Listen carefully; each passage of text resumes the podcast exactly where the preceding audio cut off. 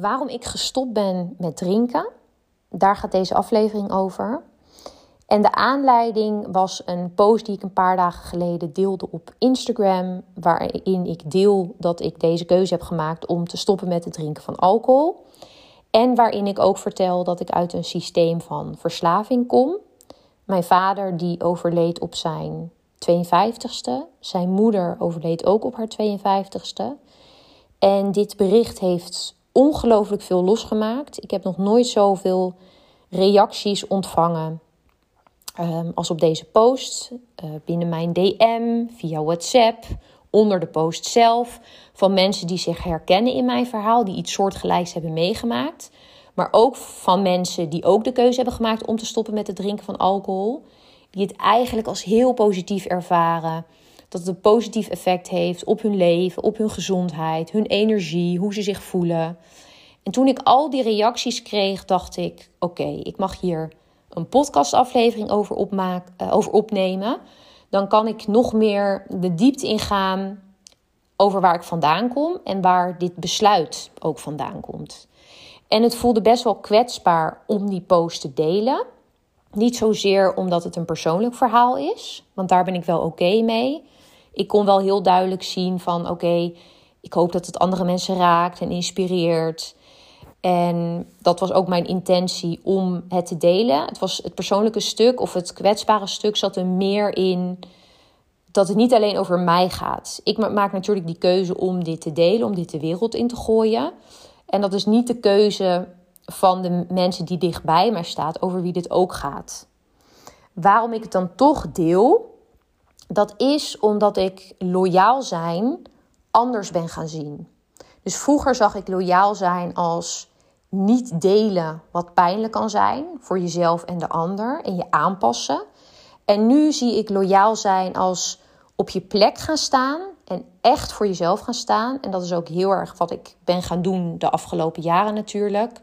Ik ben mijn eigen bedrijf gaan vormgeven. Ik heb heel bewust gekozen met wie wil ik wel werken, met wie wil ik niet werken. Hoe wil ik dat mijn leven eruit ziet. We zijn met het gezin naar Spanje verhuisd. Dus ik ben echt dat leven aan het leiden en aan het bouwen wat ik wil leven. En ik zie loyaal zijn nu niet alleen als loyaal zijn naar jezelf toe, maar ook als loyaal zijn aan het systeem en aan alle voorouders die dit leven niet konden leven, die niet die mogelijkheid hadden om die keuzes te maken. Dus daarom heb ik ervoor gekozen om, ehm, ja, om mijn verhaal te delen. En ik wil eigenlijk twee voorbeelden nu met je gaan delen, waarin ik ook anders ben gaan kijken naar loyaliteit. Want dat is ook iets wat ik in die post deel. Ik zat heel erg, uh, omdat ik in dat systeem zat van verslaving, ben ik heel erg de rol gaan innemen van fixer, enabler en, en pleaser. dit past ook heel erg binnen een systeem van uh, alcoholisme of verslaving. Om maar te zorgen dat alles in goede banen geleid wordt. Om maar te zorgen dat het niet erger wordt dan het al is. Om maar heel erg um, die zorgrol op je te gaan nemen. En door die twee situaties. Uh, er zijn nog wel meer dingen gebeurd, maar dit zijn twee belangrijke momenten geweest. Ben ik heel erg gaan inzien dat ik die rol niet hoef in te nemen, dat ik daar een keuze in heb. En sterker nog, als ik die rol inneem, dat ik het alleen maar erger maak of dat ik dat systeem in stand hou. En het eerste verhaal wat ik met je wil delen is: ik wil je terugnemen naar um, het moment dat ik 21 jaar was. Ik ging toen met mijn zusje naar Amerika, want we hebben heel veel familie wonen in de States. En we gingen toen voor het eerst uh, familie ontmoeten. En ik weet nog heel goed dat moment dat ik op de poort zat, de veranda daar bij mijn opa te wachten op die familieleden die, uh, die dan zouden komen. En ik kan me de geur nog herinneren van de, de dennenbomen. Je had enorme dennenbomen daar. Vermengd met de geur van uitlaatgassen van de trucks die aankwamen rijden. En al die enthousiaste mensen die naar buiten kwamen en heel erg blij waren om ons te zien. En natuurlijk moest daarop geproost worden. Hè? Dus um, de biertjes werden opengetrokken. En dat ging allemaal in een moordend tempo, werd dat allemaal naar binnen gewerkt. En ik weet nog heel goed dat het was ehm, heel confronterend, maar ook heel verhelderend. Want ik zat niet meer in dat systeem. Hè, want in, uh, in Nederland zat ik heel erg in dat systeem en was ik er eigenlijk onderdeel van. En natuurlijk was ik ook onderdeel van dit systeem. Maar dit waren tegelijkertijd mensen die ik voor het eerst ontmoette. Dus ik kon heel duidelijk zien wat daar gebeurde en welke interacties er waren, welke patronen er waren. Waarbij in dit geval het heel duidelijk was dat uh, de mannen heel veel dronken. En dat de vrouwen ervoor zorgden dat het, uh, ja, dat het niet te veel uit de hand liep, zeg maar. Door, um, ja, door uh, af en toe een opmerking te maken hè, dat, dat ze rustig aan moesten doen. En op een gegeven moment gingen we dan naar een restaurant en dan zouden we terug gaan rijden. En dan werd er gezegd: Gert-Jan, nou ja, ik heb natuurlijk geen oom die Gert-Jan heet, maar even om, um, om de, het beeld te schetsen. Geef mij maar de sleutels, ik rijd wel. En er werd dan ook nog een uh, soort van tegenin gegaan, want uh, ja, dat, uh, dat kon allemaal best. En um, er moest niet zo moeilijk gedaan worden. Maar uiteindelijk, uiteindelijk werden die sleutels dan toch ingeleverd. En ja, dit waren allemaal voorbeelden. Ik zat het allemaal vanaf een afstandje een beetje te observeren. En toen werd me dus heel duidelijk van, um, ja, dat is dus ook de rol die ik jarenlang heb ingenomen. En um, daardoor blijft dit, wordt dit systeem dus in stand gehouden. En um, ben je dus eigenlijk onderdeel van het probleem. Dus dat was echt een aha-moment voor mij van um, ja, ik wil, dat, ik wil dat niet meer doen. Ik wil uit die rol gaan stappen.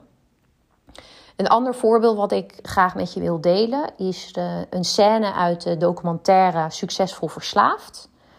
Dit gaat over een uh, fotograaf die um, heel, heel succesvol is. Hij, uh, uh, hij woont in een mooi huis, hij heeft een fijn gezin. Eigenlijk, um, ja, het, het, het plaatje klopt. Hè? De, de buitenwereld die zou zien van, nou, dat is iemand die het goed voor elkaar heeft. En in die, uh, in die documentaire vertelt hij dan wat er, wat er in zijn hoofd gebeurt. En dat hij dan naar huis aan het rijden is en dat hij al bezig is met: oké, hoeveel biertjes heb ik nog in de koelkast staan? En uh, oh, er is nu file. En ik moet wel zorgen dat ik uh, hier alvast de afslag neem. Want anders is de supermarkt dicht en dan kan ik mijn duveltjes niet meer halen. En op een gegeven moment is er een scène waarbij hij um, een sessie heeft met zijn uh, therapeut of uh, psychiater. En hij moet dan drie Playmobil poppetjes pakken die zijn gezin representeren. Dus hij moet zijn vrouw, zijn zoon en zichzelf neerzetten. En hij kiest twee kleine poppetjes uit die uh, dan zijn vrouw en, uh, en hem moeten voorstellen. En hij kiest een groter poppetje uit. En dat is dan zijn zoon. En die uh, therapeut vraagt aan hem: Oké, waarom heb jij dit poppetje als jouw zoon uitgekozen? Zegt: Ja, ik weet eigenlijk ook niet zo goed um, waarom ik dan voor het grote poppetje ga. Hè? Want het, poppetje is duidelijk groter dan mij en mijn vrouw. Maar ja, ik denk dat het te maken heeft met dat hij bijna 18 is en het is zo'n grote vent. En uh, ja, daar zal het wel mee te maken hebben. En dan confronteert de therapeut hem daarmee van... Nou ja, ik begrijp wel waarom jij voor het grote poppetje hebt gekozen. Want als jij kind bent van een alcoholist, dan moet je heel snel volwassen worden. Want je voelt, ook al is er geen agressie of, of hè, ook al, ook al um, gaat het niet zo ver op die manier, je voelt als kind gewoon aan dit is een onveilige situatie. Als alcoholist kan jij niet, niet op jezelf uh, vertrouwen. Hè? Dus constant is, het, is, er, is er chaos, is het, is, het, is het troebel. En dat voel jij als kind aan. En je voelt dus dat jij um, ja, de, de plek moet innemen van die volwassene. Omdat de alcoholist of de verslaafde die plek niet kan innemen. Voordat je er nog klaar voor bent. Dus voordat jij als kind al klaar ervoor bent om die rol te nemen. En sowieso is dat niet uh, jouw rol om te pakken, want het is natuurlijk niet de bedoeling dat jij boven je ouders gaat staan, wat er op zo'n moment uh, wel gebeurt. Dus dit was ook echt um, een eye-opener voor mij: van oh, dit is, dit is mijn verhaal, dit is, dit is wie ik ben. Dus dit waren twee belangrijke puzzelstukjes voor mij, waarin duidelijk werd welke rol ik innam. En doordat ik het nu duidelijk zag, kon ik andere keuzes gaan maken. Want als je ziet, eerst doe je alles automatisch. Dat was ook wat er gebeurde.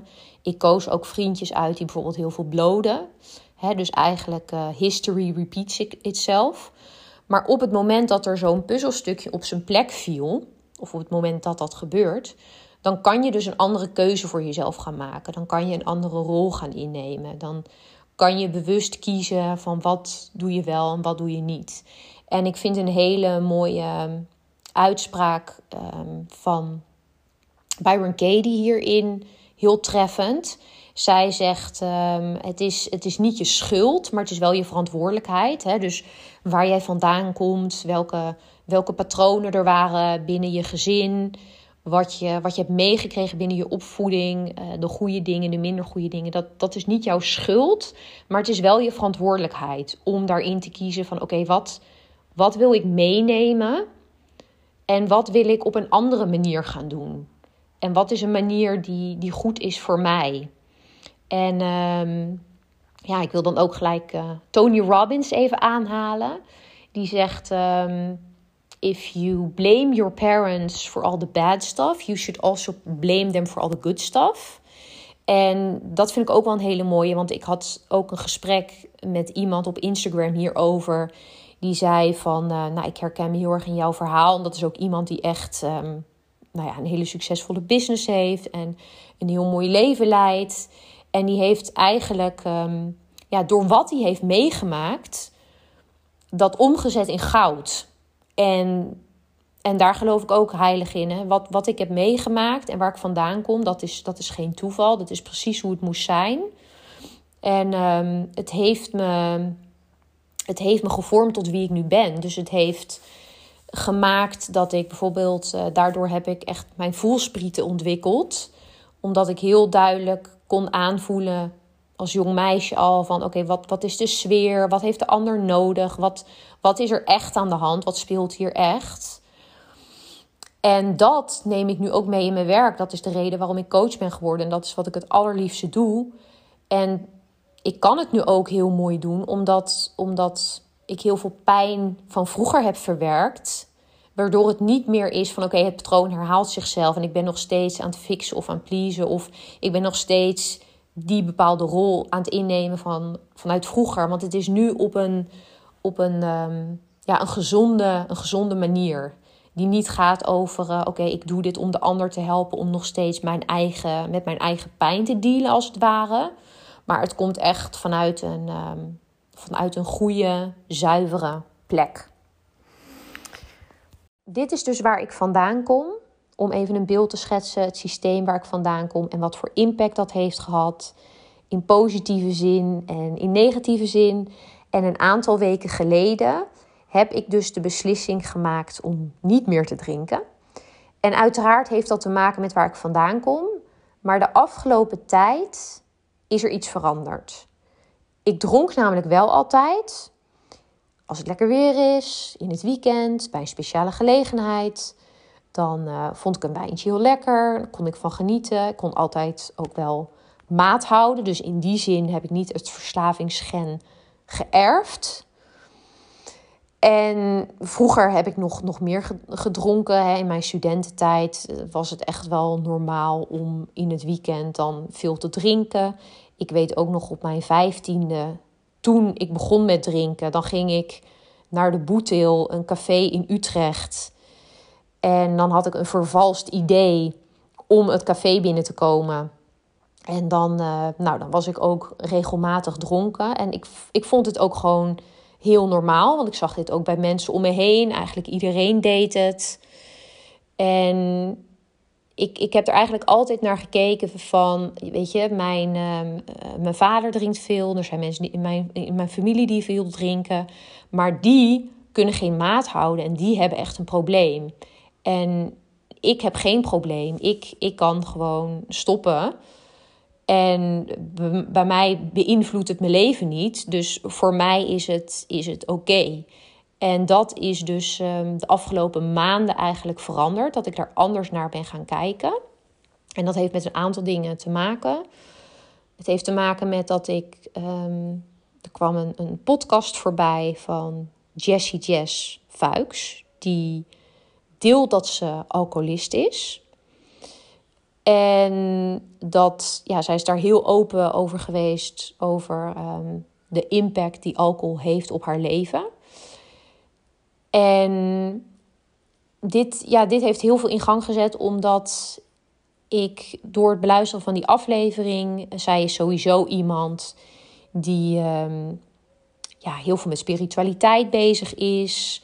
Uh, ze woont in Ibiza, ze heeft een succesvol bedrijf, ze heeft, voor zover ik dat kan beoordelen, een, een fijne relatie. Weet je wel, het, het klopt allemaal. En toch maakte alcohol of speelde alcohol een belangrijke rol in, uh, in haar leven. En uh, toen ben ik daar verschillende podcasts over gaan luisteren. En toen ging ik steeds meer inzien dat het eigenlijk niet normaal is dat we allemaal drinken en het ook allemaal zo normaal vinden dat wij drinken. En ik ben in die zin wel eerder wakker geworden, want ik werkte eerst een baan in loondienst en ik ben toen in gaan zien, ja, dit werkt niet voor mij. En ik wil mijn eigen baan creëren. En ik heb heel veel behoefte aan vrijheid. En ben er dus achter gekomen dat kan ook. Weet je, je kan echt je eigen leven creëren. Je kan echt daarin keuzes maken die voor jou kloppen. En hetzelfde gold ineens ook rondom het thema alcohol. En ehm, door het, het beluisteren van die podcast en, en verschillende podcasts die ik daarna ben gaan luisteren hierover. Maar ook het feit dat we hier nu in Spanje wonen, wat heel veel heeft gedaan voor mij op, um, op spiritueel niveau, op mentaal niveau. Ik, ja, ik, ben, ik heb veel meer rust gevonden. Ik ben nog veel meer op mijn plek gaan staan. Ik, ik voel me veel meer thuis. Dus in die zin heb ik ook niet meer die behoefte om, om afleiding te zoeken, om ja, mezelf eh, te verdoven, ook al is dat maar een klein beetje. Het is toch iets wat gebeurt als je op vrijdagavond even wil ontspannen met een wijntje. Het is eigenlijk dat je even ja, jezelf wil verdoven om, om, om even los te komen van, van die drukke week, zeg maar. En ik ben nu, ik zit nu in een fase waarbij ik waarbij het eigenlijk zo mooi is en het gaat allemaal zo, zo goed. Op de plek waar ik woon, binnen mijn gezin, met mijn bedrijf. Dat wil ik gewoon allemaal heel bewust meemaken. Ik wil energiek wakker worden, ik wil aanwezig zijn en alcohol past daar gewoon niet meer bij. En um, dus, dus die, die oogkleppen zijn afgegaan en dat is heel moeilijk om te zien. En um, ja, voor heel veel mensen is het natuurlijk nog steeds heel normaal. Want je ziet het overal als je de tv aanzet en een serie kijkt. Er wordt in gedronken. Als je op een feestje bent, er wordt gedronken. Overal is, is alcohol en het wordt volledig geaccepteerd dat er wordt gedronken. Maar als je kijkt naar wat de gezondheidsrisico's zijn, wat voor impact het op je heeft, wat voor pijn het eigenlijk um, veroorzaakt van generatie op generatie. Uh, huwelijken die erdoor kapot gaan. Um, uh, geweld wat er door, door ontstaat. Nou, noem maar op. Dat, dat willen we eigenlijk wegschuiven of niet zien. En we willen eigenlijk alleen maar het, het, het positieve verhaal zien. Van, oh ja, er moet een uh, champagne worden gedronken op het moment dat er een feest is. Of we hebben een nieuw huis gekocht. Weet je wel, daar hoort ook een drankje bij. En um, ja, nogmaals, door die podcast te beluisteren en door hier te zijn, merkte ik gewoon steeds meer van uh, het, het, het klopt niet meer voor me. En wat, wat als normaal gezien wordt, dat is niet altijd normaal. En, um, en ook dat mag je voor jezelf besluiten van welke keuze wil ik maken? Wat vind ik oké? En dient dit mij? En um, dat is denk ik wel een belangrijke vraag om aan jezelf te stellen op het moment dat je drinkt. Ik denk dat deze podcast ja, Ik, ik hoop dat, dat, je, dat het je bewust maakt hè, waar, jij, uh, waar je ook staat, of je nou wel of niet drinkt. Maar dat je er op het moment dat je wel drinkt, erover gaat nadenken van oké, waarom drink ik? Is dat, is dat uit gewoonte? Is het, uh, weet je wel, of, of is, het, is het omdat het lekker is? Of zit er ook nog iets, iets anders onder? Omdat ik ook afleiding zoek van die ene baan die ik eigenlijk niet leuk vind. Maar het drinken in het weekend maakt het leven dan nog wel een soort van leuk. Of dan, dan voel ik me toch iets ontspannender en dan kan ik dat gesprek voeren met die leuke persoon. Wat ik eigenlijk wel moeilijk vind om te doen zonder alcohol. Dat, dat zijn wel belangrijke vragen om aan jezelf te stellen. Want dan kan je de juiste keuzes maken voor jezelf. En wat ik ook nog wel belangrijk vind om te zeggen, is om jezelf de vraag te stellen: dient het mij? En ik merk voor mij persoonlijk dat het mij niet meer dient. Ik merk ook dat ik steeds gevoeliger word. Ik weet niet of dat te maken heeft met ouder worden. Of dat naar Spanje emigreren ook gewoon iets, iets open heeft gezet bij mij, waardoor nog meer gevoeligheid optreedt of zo. Maar ik merk dat ik, ja, dat ik gevoeliger word en dat ik eigenlijk ook best wel gevoelig ben voor alcohol. Dus als ik maar één of twee glazen drink, dat ik dat gelijk al voel. En dat ik dat ook de volgende dag voel. En dat ik gewoon niet zo fit ben als ik zou kunnen zijn. En uh, nogmaals, dat is, dat is wel iets wat ik, uh, wat ik graag wil. Ik wil echt het leven ten volste leven. Alle emoties voelen. De moeilijke emoties, de fijne emoties. En um, ja, op die manier eigenlijk door het leven gaan. En uh, alcohol past daar voor mij niet zo goed bij. Deze aflevering is denk ik vooral bedoeld om bewust te maken. Waarom maak jij bepaalde keuzes? Klopt het voor jou? Hoe kijk jij naar dit thema? Waar kom jij vandaan? En ja, als ik ook als je ook kijkt naar het verhaal wat, wat ik heb verteld, dan, dan voelt dit ook weer als een volgende stap voor mij.